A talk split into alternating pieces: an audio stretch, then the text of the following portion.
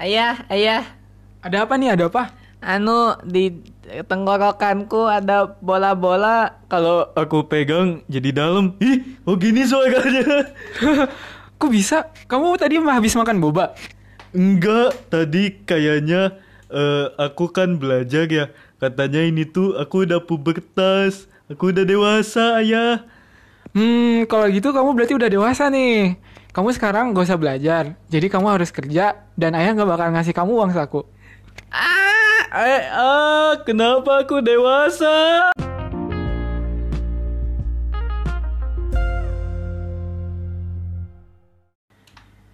Assalamualaikum warahmatullahi wabarakatuh. Waalaikumsalam. Selamat malam semua. Malam. Kali ini kita udah nyampe ke episode keempat. Kita bahas sesuatu yang penting dalam hidup kita, setiap orang nih. Sesuai dengan opening kita tadi. Ayah, kenapa aku dewasa? Ya, ya, Iya, ya. iya. Eh, episode 4 lah. Iya udah episode 4 coy. Oh, alah. Eh, kirain aku tiga loh, soalnya yang satu intro. Oh iya. Jadi udah ada 4 episode. Episode pertama itu opening. Oh, pening. Ya, ya, ya. Ya udah berarti ini episode ketiga aja ya. Ya, episode ketiga. Oke, episode ketiga guys. Kita ambil topik simpel aja nih, Eh, yaitu umur 17 tahun. Kenapa nom eh, kenapa umur 17 tahun? Karena menurut gua nomor 17 itu adalah nomor yang keren menurut gua ya. Nomor 17 itu adalah tanggal di mana kemerdekaan negara Indonesia dan angka 17 itu kalau dalam Islam itu adalah jumlah rokaat dalam sholat sehari-hari ya. kalau di- dari tanggal 17 itu artinya hari kemerdekaan. Nah, Iya. kalau misalnya umur 17 bisa dijadikan itu sebagai simbol kemerdekaan juga bagi Iya, anak-anak. betul. Lu merasa gak sih kalau misalnya di umur 17 lu tuh lebih merdeka, lebih dewasa atau ada lebih perubahan gitu?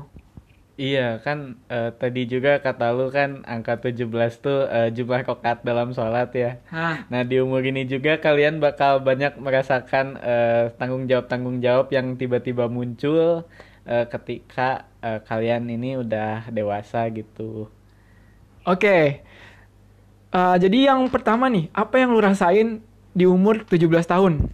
eh pertama itu aku eh gua merasakan eh, bagaimana eh, sulitnya dan kejamnya eh, membuat KTP.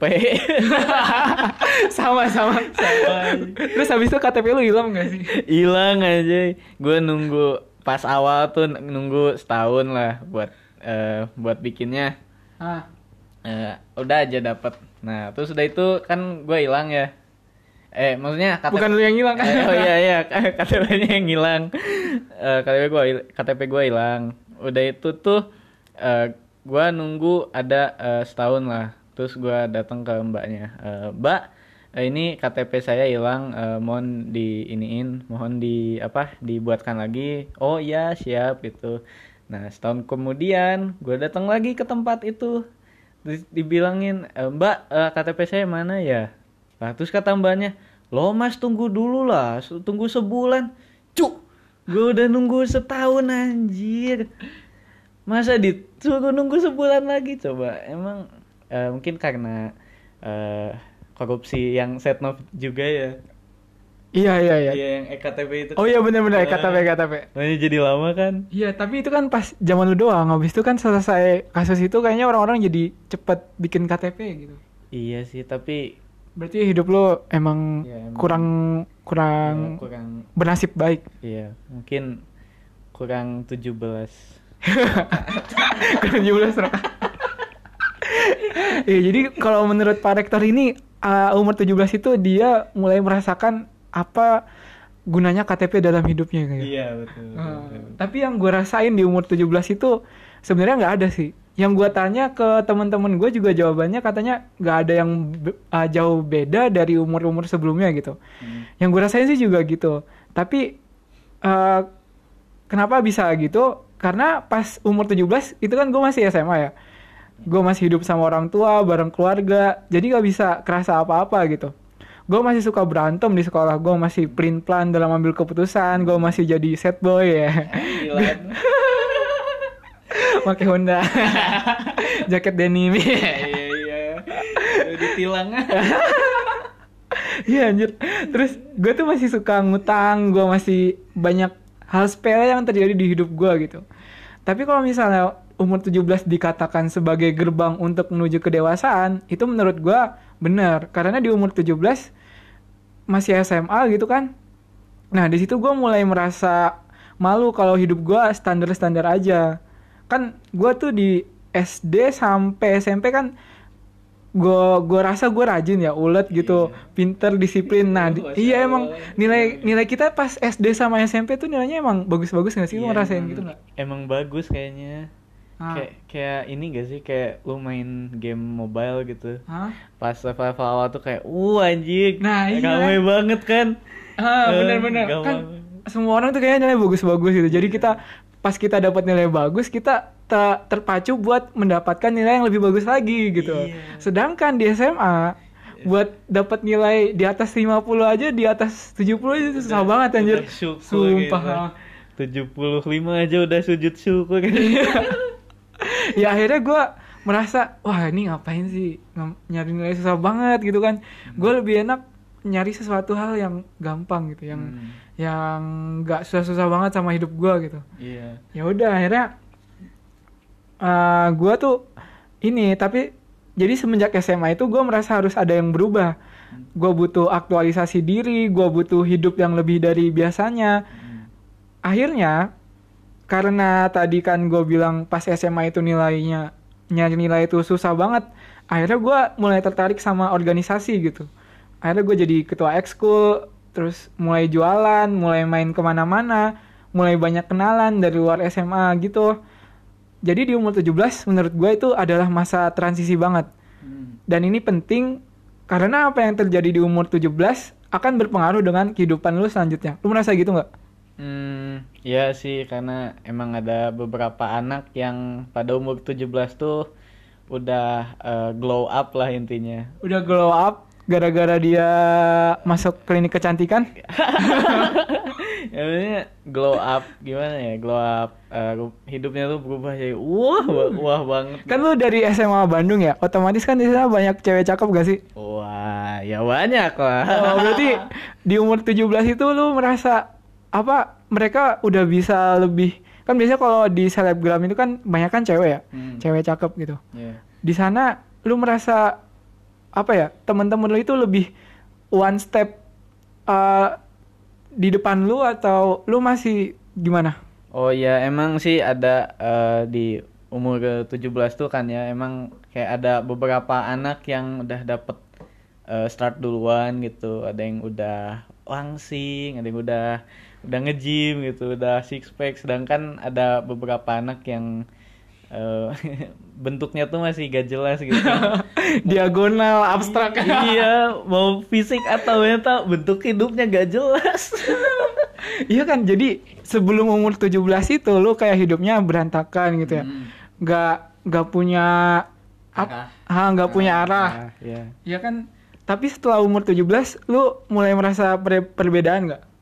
Eh, iya sih banyak perbedaan Eh, kayak gua lebih ngerasain eh, bahwa mm, eh, apa pun yang gua lakuin itu eh, emang tanggung jawab gua gitu. Hmm. Eh, kalau gua eh, gagal itu emang eh, tanggung jawab gua gitu. Tapi bukan maksudnya itu gagal karena gue gitu, tapi gua bertanggung jawab buat eh, gua itu bangkit lagi gitu. Wah ini Mario Teguh sekali Anda. aduh, aduh. Tapi ada kalau dari gua sih di umur 17 kan tadi gua bilang kan masa transisi banget nih. Hmm. Menurut gue itu penting karena pas gua umur 17 ada satu hal yang terjadi di hidup gua gitu. Hmm, apa itu? Nih, kan gue udah ngerasain nih di waktu umur 17 gue berada di dua pilihan tuh jadinya antara belajar atau ekskul. Hmm. Nah waktu itu ada semacam orientasi paskibra gitu. Jadi sebelum masuk jadi pengibar ada orientasi buat pengibar baru lah gitu intinya. Nah di situ kan bertepatan sama guru privat gua. Guru privat gua datang gitu kan ngajar. Harusnya kan itu ngajar privat buat gua. Tapi gua lebih milih buat ekskul gitu. Lagi di sekolah, lagi di sekolah gitu. Oh, iya, iya. Gua lagi sekolah, guru privat gua di rumah lagi nungguin gua. otomatis orang tua gue nelpon kan ke gue ma gue nanya mau pas kibra atau les privat nah di situ gue di sebelum sebelumnya itu gue udah dicekokin tuh sama uh, bukan dicekokin makanan atau Oh, iya. bukan Oh, di- apa amer bukan bukan amer gue dicekokin kata-kata bahwasanya gini lu itu hidup lebih mentingin belajar atau lebih mentingin ekskul gitu kan Hmm. lu mau berkembang atau eh berkembang berkembang dengan apa dengan misalnya kemauan orang lain atau berkembang dengan kemauan diri sendiri. Di situ di situ tuh kan posisinya gue lagi di paskibra ya otomatis gue masih mau ngelanjutin paskibra dulu kan daripada les privat gitu. Iya. di situ gue mulai terbentuk mindset bahwasanya organisasi itu bakalan membentuk lo lebih lebih baik ketimbang lu belajar di rumah doang. Hmm. ya udah akhirnya gara-gara punya mindset kayak gitu gue tuh lebih milih ex eh lebih milih ekskul daripada pri- guru privat gue jadi habis itu habis itu guru privat gue pulang orang tua gue marah ke gue kenapa gue lebih milih ekskul gitu Hmm. dan akhirnya setelah gue bilang kayak gitu ke orang tua gue makin banyak hal-hal yang terjadi di gua itu lebih banyak ekskulnya daripada belajar gitu Hmm. dan akhirnya gua mikirin ekskul terus sampai gua akhir SMA sampai pas SBMPTN gua lolos tapi di jurusan yang nggak pernah gua pengenin. Itu gua keterima di jurusan teknik kan. Sedangkan pas lagi gua milih ekskul tadi ada temen gua yang emang lebih milih belajar daripada ekskul. Hmm. dan akhirnya cita-citanya itu sesuai gitu. Dia dapet jurusan yang dia pengenin dia akhirnya masuk ke dok eh ke dokteran masuk universitas yang dia pengenin lah intinya Hmm. nah kalau misalnya dari segi romansa kayak gimana kalau di umur 17 nih Ya dari segi romansa sih eh, mungkin eh, berbeda-beda lah untuk tiap orang. Ada yang sekarang udah di pacar keempat, ada yang udah pacar ke 17 17. Oh iya. oh artinya dari lahir ada satu pacar dong per tahun. Oh iya oh, bener bener kan bisa setahun dua pacar oh gitu iya kan. setahun dua pacar artinya dari SD dong. dari SD ada dua. oh iya bener bener Iya. Lanjut lanjut lanjut berarti kan dari segi romansa pasti ada orang yang lebih duluan daripada kita gitu terus Iya. kalau lu di umur 17 romansanya kayak gimana nih Ya, romansa gua ya eh eh, secara halus ngelag lah. Mungkin eh mungkin eh, dari beberapa kalian juga ada yang waktu 17 itu belum merasakan cinta. Ah. Ada yang mungkin sampai umur sekarang juga belum. Nah, ya eh, mudah-mudahan eh, dapat eh, someone lah. Tapi sih eh, menurut gua sih eh, lebih baik eh, love yourself dulu, fokus ke diri lu sendiri dulu, kembangin diri lu menjadi lebih dewasa dan Ya. dengan itu eh, lama-lama bakal orang yang tepat itu bakal datang sendiri ke lu gitu dan eh, berusaha ngepasin juga gitu. ya jadi kalau misalnya di Pak Rektor sendiri di umur 17 Pak Rektor ini masih belum menemukan belum menemukan cintanya ya romansanya masih stuck gitu gak sih lu Oh, di umur iya. 17 Iya, umur 17 tuh ya eh, tepuk tangan aja gitu. oh tepuk tangan tapi Tepuk sebelah tangan. sama gue juga pas lagi di umur 17 dari segi romansa gue mulai merasa jadi sad boy sih karena Hmm. kehidupan di sekitar gue kehidupan teman-teman gue itu tuh kayak mulai ada yang pacaran ada yang udah jalan ke mana-mana sedangkan gue tuh masih gak punya apa ya gak punya bayangan tentang siapa ntar yang jadi mau pacar gue terus akhirnya Hmm. Gue tuh mulai jadi kayak sad boy gitu beneran kerasa banget. Di umur 17 gue merasa kayak lonely gitu. Kenapa gue temennya cuma adik gue doang di rumah ya? Iya. harusnya kan gue bisa jalan pas malam mingguan nih. Aduh. terus ya di umur 17 kan mulai kerasa tuh. Suka sama lawan jenis terus mulai mikirin dia padahal dia nggak mikirin lu. Tapi di situ gue malu-malu. Jadi nggak berani merasa me- apa mengungkapin mengungkapkan Ya. perasaan gua ke dia dan akhirnya ya cuma bisa bertepuk sebelah tangan. Puncaknya itu pas di akhir tahun di akhir SMA, gue tuh mulai apa ada temen gua yang nyuruh gua foto sama dia Hmm. dan akhirnya gua bisa foto sama dia. akhirnya Akhirnya. aduh Itu tuh deg-degannya tuh bener-bener kerasa banget anjir sumpah. Iya, kayak dan di mulai dari situ gua beru apa ya berubah jadi gua agak lebih berani tuh gara-gara Hmm, semenjak foto sama dia. ya, lebih ini lebih open gitu ya Iya. Jadi buat yang umur 17 atau masih baru menuju kedewasaan, mulai Hmm. merasakan jatuh cinta, ya nggak ada salahnya sih buat lebih berani dikit.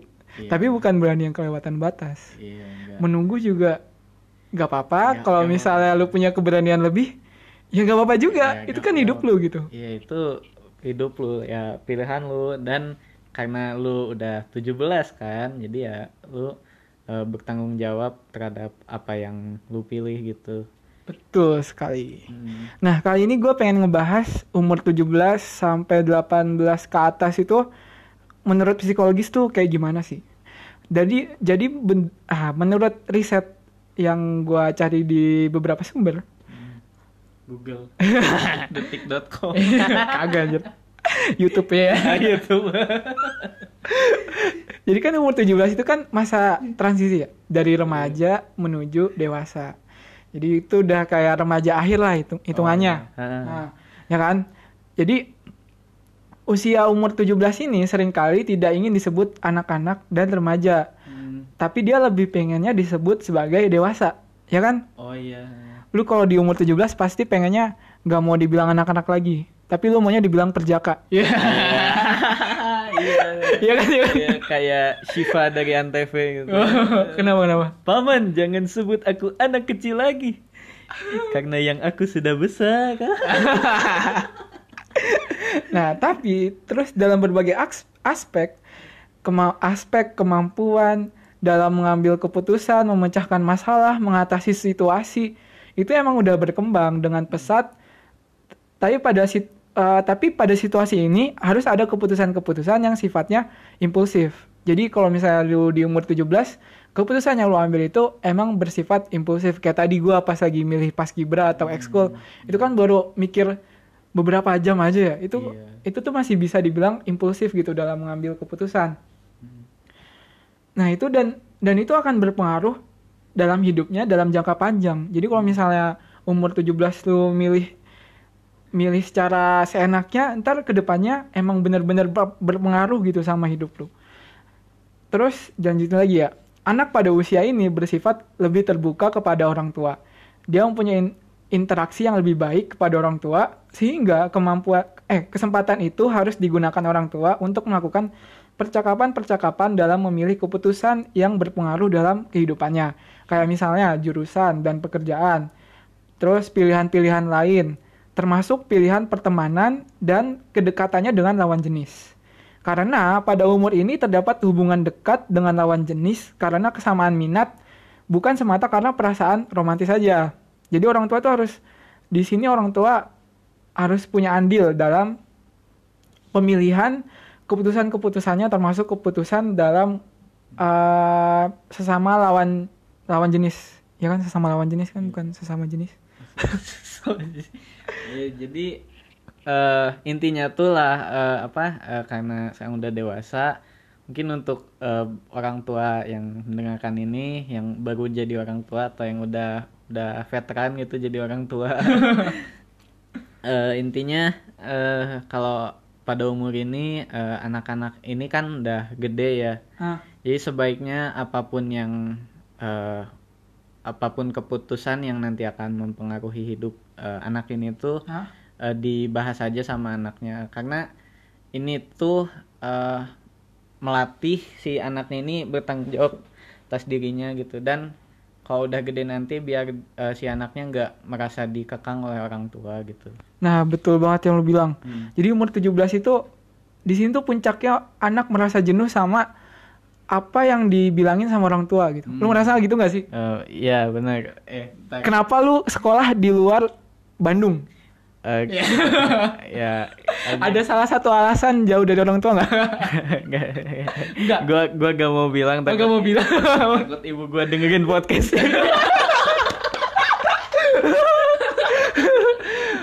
maaf ya, Mam. eh maaf ya mama gue juga. eh, maaf Bapak juga.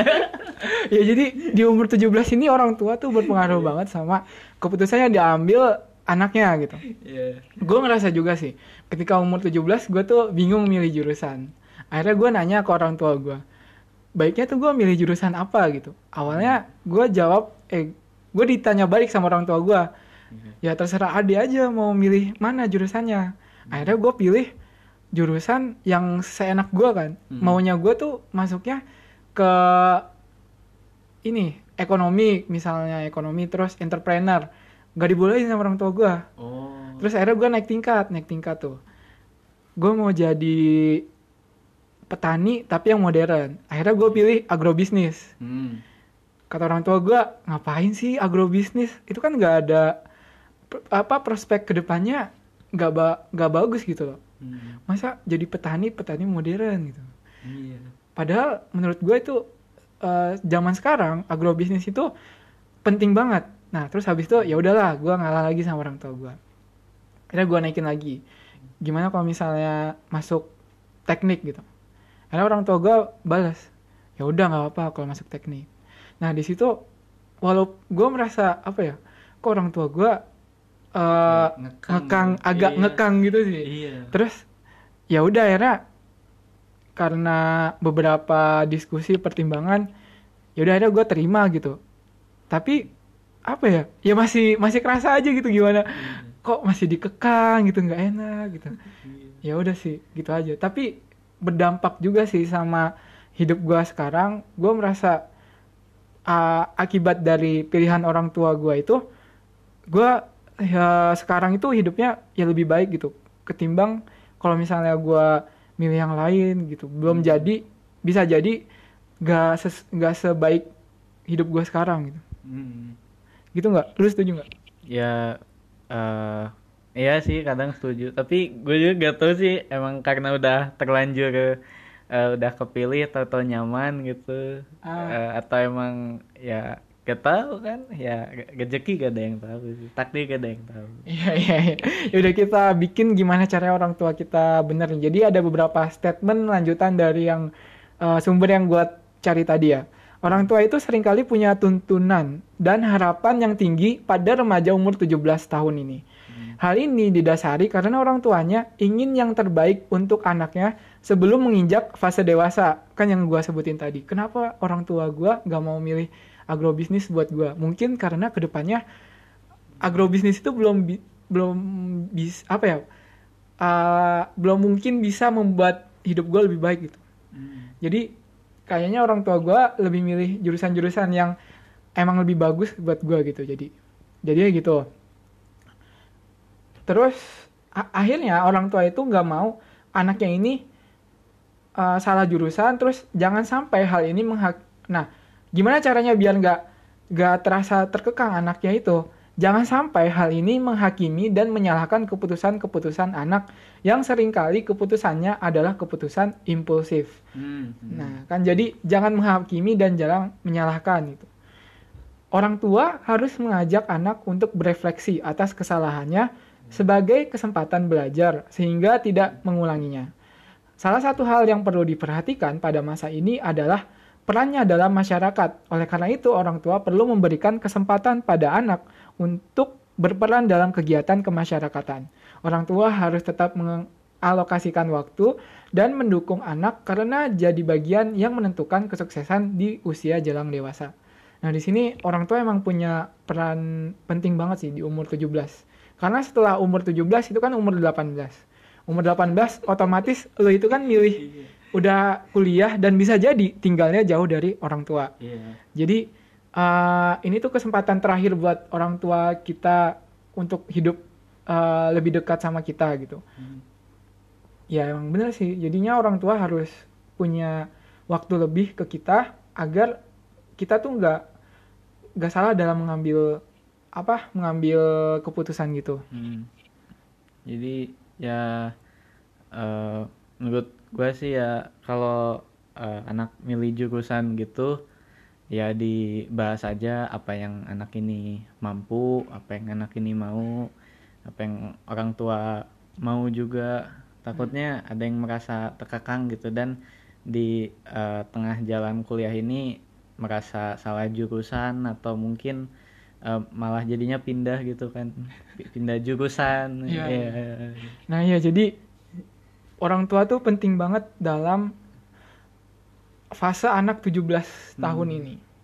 Gitu. Ya, kita tadi kan udah ke bahas psikologis sama parenting juga ya. parenting aja.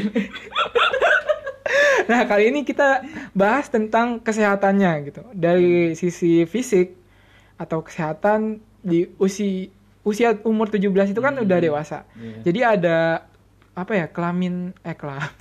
Kedewasaan. Kede oh Iya, kedewasaan. iya, tanda-tanda Tanda-tanda kede- kedewasaan, sekunder. kelamin sekunder Nah, ya, itulah. iya itu Ya jadi ada beberapa hal yang menandakan dia itu udah dewasa. Hmm. Kalau dari perempuan itu payudaranya mulai tumbuh. Ciri utama yang tampak saat anak perempuan mulai memasuki masa puber adalah berkembangnya kedua payudara. Puting payudara mulai tumbuh dan areola atau area kehitaman di sekitar puting juga mulai membesar. Terus yang kedua, muncul rambut halus. Di beberapa bagian tubuh seperti ketiak dan daerah pubis mulai tumbuh rambut halus. Terus yang ketiga, bentuk tubuh berubah seiring dengan bertambahnya lemak tubuh. Seperti tubuh orang dewasa, tubuh anak mulai memiliki bentuk. Hal ini bisa dilihat dari area dada, pinggul, paha, dan lengan. Selain itu, tinggi badan anak juga akan mengalami perkembangan yang pesat. Itu buat yang cewek ya. Terus wajah dan kulitnya itu jadi berminyak. Itu karena hormon dalam tubuh memicu kerjanya kelenjar minyak pada kulit, terutama di daerah wajah, sehingga rentan menyebabkan jerawat jika wajah tidak rutin dibersihkan. Jadi buat lo yang umur 17 mulai berminyak kulitnya harus sering cuci muka dengan sabun. Sabun muka. eh sabun muka Jangan pakai sampo. Iya. oh iya jangan pakai sabun Lifebuoy juga karena Kenapa? itu bikin eh, kulit kering Oh gitu. Ah. Lu pengalaman banget nih. oh, eh, eng- ya ya gitu kan gue gue glowing Glowing dengan Lifebuoy. Terus kalau di cewek yang perbedaan mendasar itu ini menstruasi pasti karena cowok nggak ada yang namanya menstruasi. Iya, kebayang kalau cowok eh, sebulan sekali anunya berdarah gitu kan serem. Jadi di menstruasi ini adalah tanda yang muncul pada perubahan fisik anak yang diakhiri dengan munculnya menstruasi. Sayangnya pada orang tua yang justru menganggap masa pubertas anak diawali dengan munculnya menstruasi, padahal masa pubertas terjadi jauh sebelum menstruasi muncul. Pada masa inilah anak membutuhkan asupan nutrisi yang cukup. Jadi sebelum di umur-umur mungkin sebelum umur 17 kalau de- dewasa anak perempuan kan lebih cepet ya Hmm. Seki- mungkin sekit kalau misalnya di kalau dikasih nutrisi yang baik, asupan nutrisi yang cukup, itu sebelum umur 17 itu dia udah mulai menstruasi sih menurut. Gua nge- dari SD aja udah ada beberapa pengalaman sih yang gua alamin. Jadi ada cewek di SD gua, itu gua tuh umur eh berapa ya? Kelas 4 4 SD, 4 SD sumpah. Sumpah 4 SD. Langsung banget. Iya, beneran beneran Iya, beneran. iya. Jadi fisiknya dia emang secara fisik ya Iya. udah gede, Eh. udah gede, udah gede, udah tinggi gitu kan. Oh, iya. Ya bentuk Udah. tubuhnya tuh emang bener-bener kebentuk gitu. Oh iya. iya. Jadi terus pas lagi SD itu dia bilang kan ke guru gua bahwasanya kalau dia itu udah mens gitu. Hmm. Terus se- sekelas tuh pada kaget, lah kok bisa Oh, iya. umur 4 SD udah mens gitu. Ngecit kayaknya. Dan ternyata pas di gua masuk ke dokteran gitu, gua mulai dapet ada beberapa dosen yang bilang ke gua bahwasanya kalau misalnya emang dikasih asupan nutrisi yang baik, misalnya kayak protein, terus vitamin, mineral, kalau itu cukup, berarti dewasanya itu jadi lebih cep- lebih cepat gitu daripada biasanya. Jadi asupan itu penting banget menurut gua. Hmm. Nah, terus bedanya anak cewek sama anak cowok apa sih kalau dia udah puber gitu, udah umur 17 gitu? Pertama itu penisnya membesar. Iya, dari lahir juga udah beda kan. Oke oke. Yaudah, gue bacain dulu, gue bacain dulu. Oh, iya, Perubahan pertama yang tampak pada tubuh anak laki-laki yang sedang puber adalah membesarnya ukuran testis atau penis. Selanjutnya diikuti dengan tumbuhnya rambut halus di area kemaluan dan ketiak anak. Jadi kan kalau misalnya dia mulai pubertas kan ada produksi sperma ya. Hmm. Kalau misalnya produksi sperma pas itu kan sumbernya dari testis. Testis itu buah zakar. Ya kan ya? Iya iya benar benar. Jadi kalau misalnya terjadi spermatogenesis, ya kan? Iya. Kalau misalnya jadi spermatogenesis di testis, udah pasti testisnya juga membesar. Oh, spermatogenesis apa? Itu proses terbentuknya sperma gak sih? Oh iya iya Iya kan? benar benar. Iya, iya. Kira- aduh, aduh. Nah, jadi penis sama testisnya membesar, terus ada rambut halus di kemaluan anak dan ketiak. Buat lo yang laki-laki atau cewek bisa dilihat ya sendiri. terus yang kedua, buat cowok itu adalah ejakulasi. Bekerjanya hormon testosteron seiring dengan berkembangnya ukuran penis dapat menyebabkan terjadinya ejakulasi. Inilah saat di mana anak laki-laki mengalami perkembangan pematangan seksual yang pesat. Kondisi ini umumnya terjadi saat anak berusia 12 sampai 16 tahun. Ejakulasi ditandai dengan mimpi basah atau ereksi yang terjadi secara spontan saat anak bangun tidur. Jadi ejakulasi itu kalau misalnya lu mimpi basah pasti ada yang keluar lah dari Iya. ya jadi ini cuma cowok doang yang ngerti sih Iya. sama ibu ibu ibu kita Iya. biasanya kan kalau malam-malam mimpi gitu kan kayak tadi eh iya kalau malam-malam mimpi terus pagi-paginya ada yang keluar lu langsung tanya ibu lu nggak sih Ya ya tergantung ada beberapa anak yang open, ada yang close. Aduh, in, apa ini gitu. nah iya Nggak ngompol, cuk. nggak Lengket. ngompol tapi lengket Iya. nah dulu sih pas SD kan gue SD itu ya di situ tuh ada guru BK guru BK gue tuh ngajarin tentang uh, seks gitu Mm. sex education tapi Iya. bukan eh, seks maksudnya Seks. gimana sih kalau kita udah puber tuh tandanya kayak gimana gitu Oh, jadi iya. gue tuh belajar tentang uh, seks itu sex education di masa SD Hmm. jadi pas gue mengalami mimpi basah jadi gue udah nggak kaget lagi jadi Hmm. ya gue langsung ke kamar mandi lah pasti Iya langsung mandi gitu. Nah, ya. jadi peran di SD itu penting banget. Sex education tuh penting biar Iya. kita nggak salah jalur gitu. Iya. Biar kita dikasih tahu sama guru. Jadi kita nggak nggak usah malu-malu buat nanyain ke orang tua kita gitu. Jadi kita udah tahu duluan sebelum orang tua kita ngasih tahu ke kita. Iya dan orang tuanya juga harus eh, open lah, jangan Ah. eh, menganggap ini suatu hal yang tabu gitu. Karena dalam pembuatan anak juga kan ada ada seksnya juga kan, jadi ya mau gak mau ya harus eh, anak ini harus tahu lah. Dan eh, edukasi yang baik itu ya eh, eh, memang mempunyai eh, efek yang baik dan sebaiknya dilakukan secepatnya sebelum si anak ini menemukan Iya sumber yang lain. Misalnya Sumber yang lain. selain orang tua, selain guru, Iya. itu tuh kalau misalnya kita tanya ke teman kita itu malah menjerumuskan, ya nggak sih? Iya betul. Nah itu dia. Nah, betul. Jadi buat lo yang masih muda nih, kalau ke depannya mau punya anak, mau berkeluarga, Hmm. penting buat tahu lebih dulu. Eh, buat Eh, ngasih ngasih tahu, lagi, eh, ah, ngasih ngasih tahu tahu ke anak dulu. sebelum anak itu nanya ke temennya sendiri, Iya, gitu kan ya. Sebelum anak ini mencari di Google sendiri. Ah, itu bahaya banget itu Iya, sumpah. 4.0 gitu. Anak udah canggih. Nah, terus kita bahas selanjutnya ya. Tadi kan udah ejakulasi. Sekarang yang ketiga itu kalau di cowok masa ototnya membesar. Pada anak laki-laki akan mengalami perubahan masa otot yang dapat dilihat dari bentuk dada, terus muncul rambut halus serta bagian lengan dan kaki yang mulai berotot. Iya kelihatan banget sih kalau misalnya cowok. Kalau cewek kan lebih arah berlemak gitu ya di Hmm. area Area. khusus. Iya, oke. Tapi kalau misalnya cowok itu lebih kelihatan di ototnya gitu, ototnya Hmm. jadi lebih gede. Nah, kalau cowok terus habis itu ada perubahan suara. Kalau misalnya anak laki-laki itu suaranya lebih berat, itu berarti testosteron dia menyebabkan tulang rawan dalam kotak suara itu tumbuh lebih besar dan tebal. Nah, ini menyebabkan pita suara itu bergetar di frekuensi yang lebih rendah sehingga suara anak itu terdengar berat atau dalam. Hmm. Jadi beda banget perubahan antara cowok sama cewek gitu ya. Iya. Terus perubahan selanjutnya itu sama sih, wajah berminyak dan berjerawat. Terus yang paling penting munculnya kumis atau jenggot. padepokan kulit eh padepokan kumis tipis. Iya.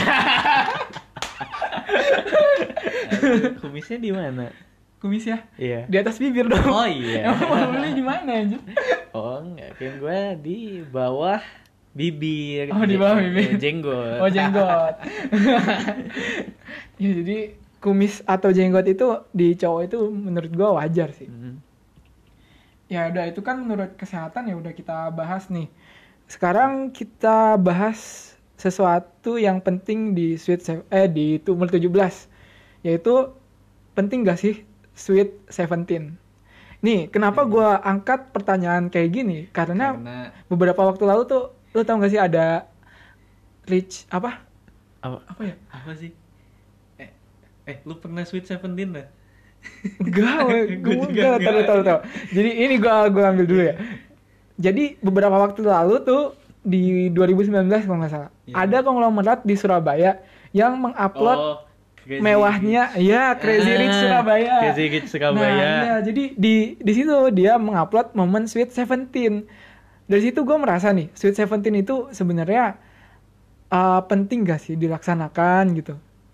Ya, menurut gua sih ya eh bagi yang mampu aja ya.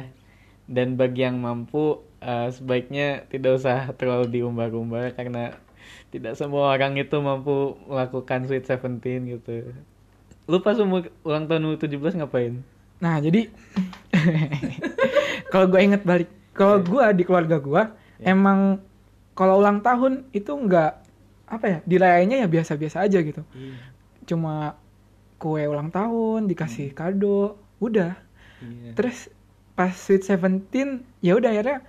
Tapi yang beda di Sweet Seventeen itu, gue dikasih duit sama orang tua gue buat jajanin sama teman-teman gue. Terus akhirnya gue neraktir teman gue kan. Hmm. Awalnya sih gue merasa, kok ortu gue gini banget sih. Gue ngelihat orang lain di sweet eh di umur Iya, 17 gitu iya. kan pas Kasih pasti balon, iya dikasih mobil. balon ah, dirayain di mall dirayain di Iya, hotel kayak wah gila iya ini lu nikah atau atau ulang tahun gitu kan gua. Iya gini udah wah banget Makanya, gitu ada cateringnya. nah iya ada cateringnya juga kan Eh. lu tapi lu pernah diundang sama temen lu Ya gua eh, Sweet Seventeen enggak sih. Kayaknya Sweet Seventeen sendiri gua gak diundang lah. oh enggak ada ini temen lu biasa-biasa aja gitu Ya biasa-biasa aja. Jadi eh apa ya? Gua kan ulang tahun Desember ya. ah. Nah kebetulan pas banget sama ujian.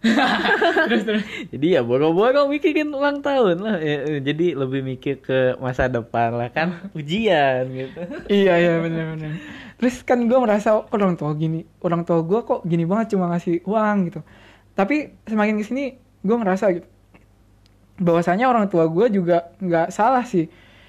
Karena kebersamaan itu nggak dinilai dari mahalnya ultah nggak dinilai dari banyaknya artis yang lu undang ke ultah. Kebersamaan itu nggak dinilai dari beberapa banyak teman tamu undangan yang datang kalau lu lagi ultah. Tapi arti kebersamaan itu menurut gua yaitu kumpul bareng yang bareng temen yang lu cinta entah keluarga sahabat temen pacar secara sederhana dan intim menurut eh, intimnya itu Intimnya itu misalnya ngobrol dalam Iya, akrab gitu bukan kan intim dalam yang lain gitu. nah beda itu. Tapi kalau misalnya emang lu punya orang tua yang kaya banget, punya Porsche 8 gitu kan. Lamborghini 8 eh 17. iya. Itu kalau misalnya emang orang tua lu bisa ngerayain umur 17 lebih dari cukup, berarti lu harus bersyukur. Itu karena orang tua lu ingin memberikan kenangan terindah dalam hidup lu. Jadi gak salah buat lu yang ngerayain Sweet Seventeen. Menurut gue sih gitu. Ya gak, eh, gak, gak salah sih, tapi ya eh, eh, sebaiknya diundang gitu kan lumayan makanannya. Kalau sobat gurun merayakan umur 17 ini dengan selamatan ya. Ya, selamatan. Yasinan gitu. Yasinan gitu. Potong kambing gitu. Akikah lagi. Iya. Nangis-nangis. Ingatlah selama ini dosa kalian sebelum umur 17 tuh banyak. Ya, bayangkan nanti ke depan dosanya gimana. Mohon maaf buat sobat guru. Iya. Ah, gak mau ngilang. ya udah. Oke, kita udah di penghujung segmen nih. Bagaimana cara yang tepat untuk menyikapi umur 17 tahun? Gue yang buka ya nih. Iya. Karena menurut gue umur 17 adalah umur menuju gerbang kedewasaan. Hmm. Dan apa yang lu lakukan di umur 17 akan berpengaruh ke depannya. Maka ada beberapa hal yang harus gue bilangin. Dari gue yang berumur 21 untuk kalian yang baru membuka gerbang kedewasaan. Iya. Pembukaannya mantep banget. Udah kayak guru banget gue anjir. Iya. Udah siap jadi dosen. Waduh. Aduh. Padahal baca teks ini. Oke, yang pertama adalah temukan jati diri. Kenapa jati diri harus dicari? Karena jati diri itu butuh proses. Lu ditempa, jati diri itu ditempa bukan dilahirkan. Dan untuk menemukan jati diri ini, lu harus membuka dunia lu. Kayak si siapa? Di dalam NKCTHI itu, Kale Kale. Oh, Tahu yang kan, Kale? Yang fuckboy. Oh, iya. Jadi Kale tuh nyuruh si ceweknya buat membu- bukan cewek sih temen ceweknya itu siapa ya namanya? Yang pemeran utamanya juga Oh, yang- untuk membuka dunia gitu Oh, bahwa iya. apa dunia semesta lu tuh luas banget gitu. Jadi lu harus buka dunia lu gitu. Iya. Lu harus melihat dari berbagai sisi, lu harus kenal banyak orang dan tanya ke mereka apa yang udah mereka lakuin selama ini. Kalau emang nggak ada satu jati diri pun yang sesuai dengan lu, ya coba lu jalanin dulu jati diri yang emang udah ada gitu di orang-orang. Tapi ingat, lu harus memilah dulu mana jati diri yang tepat buat lu. Apakah itu sesuai dengan norma-norma yang ada? Apakah keluarga lu setuju dengan jati diri itu? Habis itu, habis memilah, itu baru jalanin apa yang emang lu pengen dan sesuai sama norma, sesuai dengan uh, keluarga lu. Pokoknya coba jalanin dulu. Tapi kalau misalnya emang nggak nggak cocok lagi sama lu, maka harus cari jati diri yang lain gitu. Hmm. Setuju nggak lu? Ya eh, intinya ya eh, apa eh, be be yourself lah. Eh, have fun aja, enjoy, jangan eh, jangan eh, cemas. Hmm. Kalau ada sesuatu yang bikin kalian cemas ya eh, apa ya, just just face it gitu. Hadap Siap, siap, hadapin siap. aja. Hadapi aja. Gimana caranya masalah ini kelar dengan cepat gitu. Gak usah eh, kalau misalnya eh, kalian ngerjain tugas ya gak usah mikir aduh ini kurang perfect gitu ya nggak apa-apa Eh, it's better to be done than perfect mending lu selesain aja sesuatu itu daripada lu eh, pengen membuat sesuatu itu sempurna gitu karena lama-lama kan eh, bany- beberapa orang kan nganggap sempurna itu beda jadi Ah. mungkin eh, apa yang kalian kerjain itu terbaik eh, di mata beberapa orang dan mungkin nanti semua orang gitu. Oke oke Oke. oke. Gila gila. Mario teguh sekali. Buat jati diri ini kayak ke depannya kita bakalan masukin konten tentang jati diri ya. Iya, jati diri itu sesuatu yang Jati berdiri. Iya. ya kan jati pohon ya. Jadi ya emang perlu ditanam, perlu dirawat. Nah, Nah ya jangan sampai ditebang dijadiin eh, mebel gitu kan. ya udah ya udah. Terus yang kedua adalah peliharalah passion lu. Mm. Ini adalah penting karena ketika lu hidup, maka nanti akan ada dua jalan hidup di mana lu hidup mengikuti apa orang yang lain pengen atau lu hidup mengikuti apa yang lu pengen. Nah, di sini biasanya ada ketidaksinkronan antara apa yang orang lain inginkan dengan apa yang lu inginkan. Misal, gue pengen jadi pengusaha, tapi ibu gue nyuruh gue jadi dokter. Akhirnya gue berusaha memulai, uh, eh, akhirnya gue pernah berusaha memulai usaha, maksudnya memulai buka usaha gitu, buka yang- usaha. Oh yang ikan itu ya. Ah, eh enggak sebelumnya pas di teknik dulu gua ini sih buka, Buka. apa ikut ojek gitu, ojek mahasiswa. Oh. Nah, Keren lah. ya nanti gue ceritain deh di oh situ. iya iya iya iya. Pokoknya tunggu podcast kita selanjutnya aja. Iya. betul. Terus dan di situ gue mulai berusaha untuk buka usaha dan itu gagal karena gue harus fokus belajar. Jadi simpang siur eh apa timpang tindih gitu gak gue gak bisa fokus belajar. Akhirnya gue tinggalin usaha gue akhirnya gagal tuh usahanya. Akhirnya gue ketemu cara untuk menghidupkan passion gue walaupun gue sambil belajar. Yaitu gue harus ikut lomba-lomba bisnis plan di mana gue tinggal majuin model usaha. Jadi nggak sampai gue bikin usaha itu. Jadi cuma uh, rencana usaha gue kasih ke juri habis itu dinilai gue presentasi habis itu ya lombanya kayak gitu. Jadi nggak ngabisin waktu gue buat belajar gitu. Ya udah selain itu passion itu berguna buat mengisi kebosanan lu. Misalnya passion itu bisa dibilang hobi yang lu jalani dengan serius. Bersyukur buat orang-orang yang punya passion sejalan sama cita-citanya. Jadi dia nggak pernah bosen dengan cita-citanya.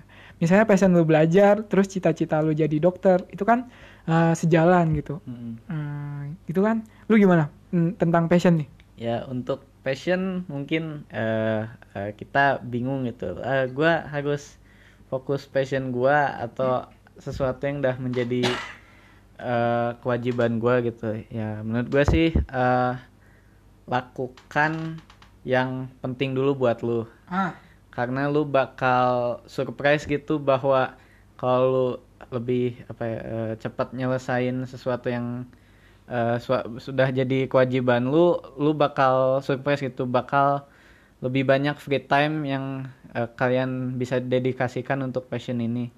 Dan juga kalau bisa eh, kalian jangan pernah multitasking. oh gitu Heeh. kenapa nih kenapa Kalau multitasking itu kalian tuh melakukan dua hal secara bersamaan. Ah. Dan karena kita eh, fokusnya berubah-ubah terus, eh, dua hal ini mah gak ada yang kelar gitu. Jadi sebaiknya lu fokus dalam satu hal, selesain, kelar, baru hal yang kedua. Dan eh, sekali lagi kalian bakal surprise dengan eh, apa ya eh, free time yang akan kalian dapatkan nanti gitu.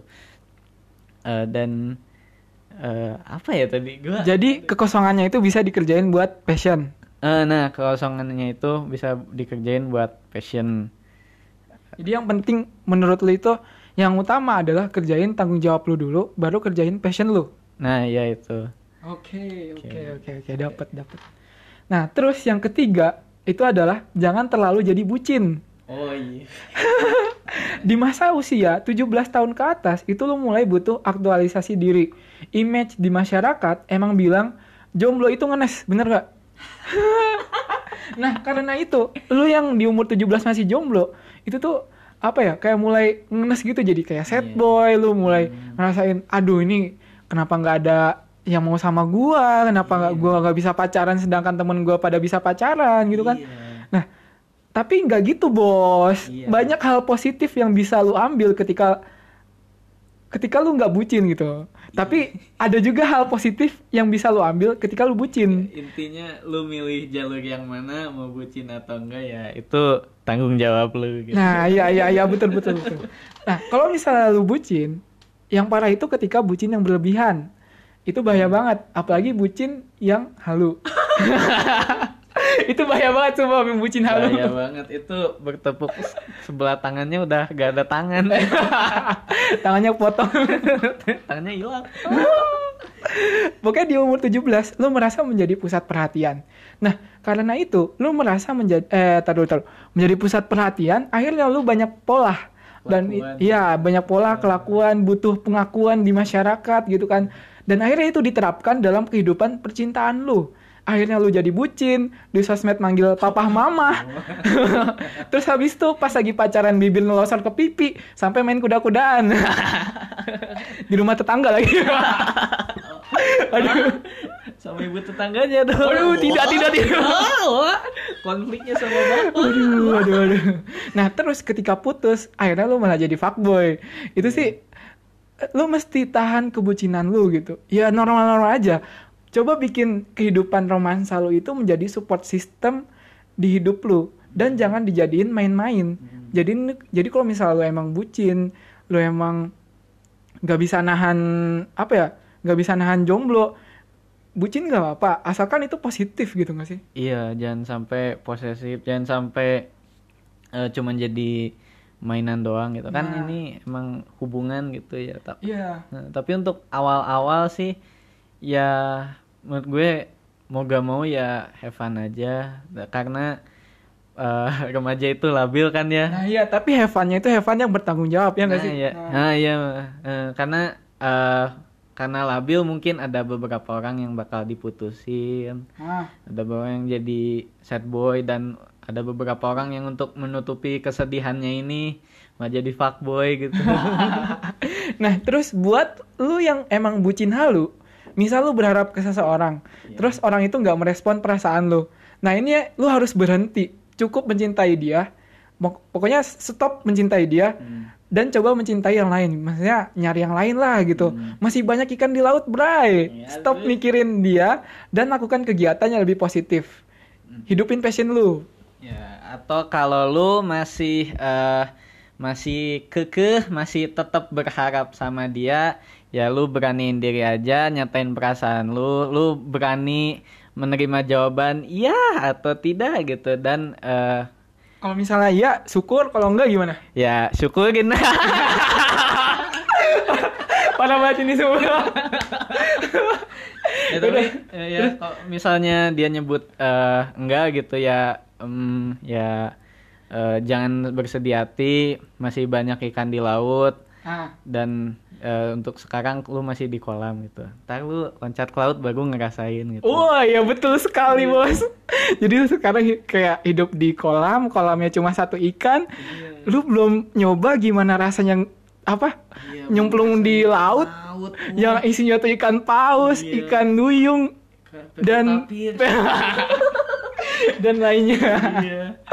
ya udah, menurut gua kalau kehidupan romansa lu boleh bucin, tapi bucinnya itu bertanggung jawab. Iya. Pokoknya jangan sampai kelewatan lah intinya gitu gak sih? Eh, jangan sampai halu berlebihan Yoi. jangan sampai gelap-gelapan Nah, Eh, intinya eh, apa ya eh, bertanggung jawab. bertanggung jawab seperti eh, apa sih motonya tuh keamanan bisa menjadi senang safety can be fun Astagfirullahaladzim.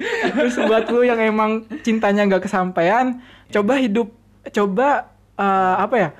Jangan hidup terpaku sama cinta. iya Coba hidup eh, buat menghidupkan passion lu, menghidupkan cita-cita lu gitu. Ya jadi semangat ya buat sobat halu gua. iya. ya terus kita lanjut ke poin keempat. Yang poin keempat adalah invest your money. Menurut gua di umur segini banyak remaja yang mengalami impulsive buyer atau kayak, kayak kalau misalnya kita masuk ke Indomaret tiba-tiba ngambil Indomie, Indominya bukan cuma Indomie rasa soto doang. Iya, tapi dari Sabang sampai Merauke dirasain. sampai rasa Korea juga diambil anjir. oh iya, iya. Nah itu kayak impulsif bayar banget sih. Buat lu yang sering liatin Shopee, yang aplikasi shoppingnya gak cuma Shopee doang, misalnya ada Lazada, ada Bukalapak dan yang lain-lain. Terus kalau misalnya ada uang dikit langsung beli, ada uang banyak langsung dihabisin.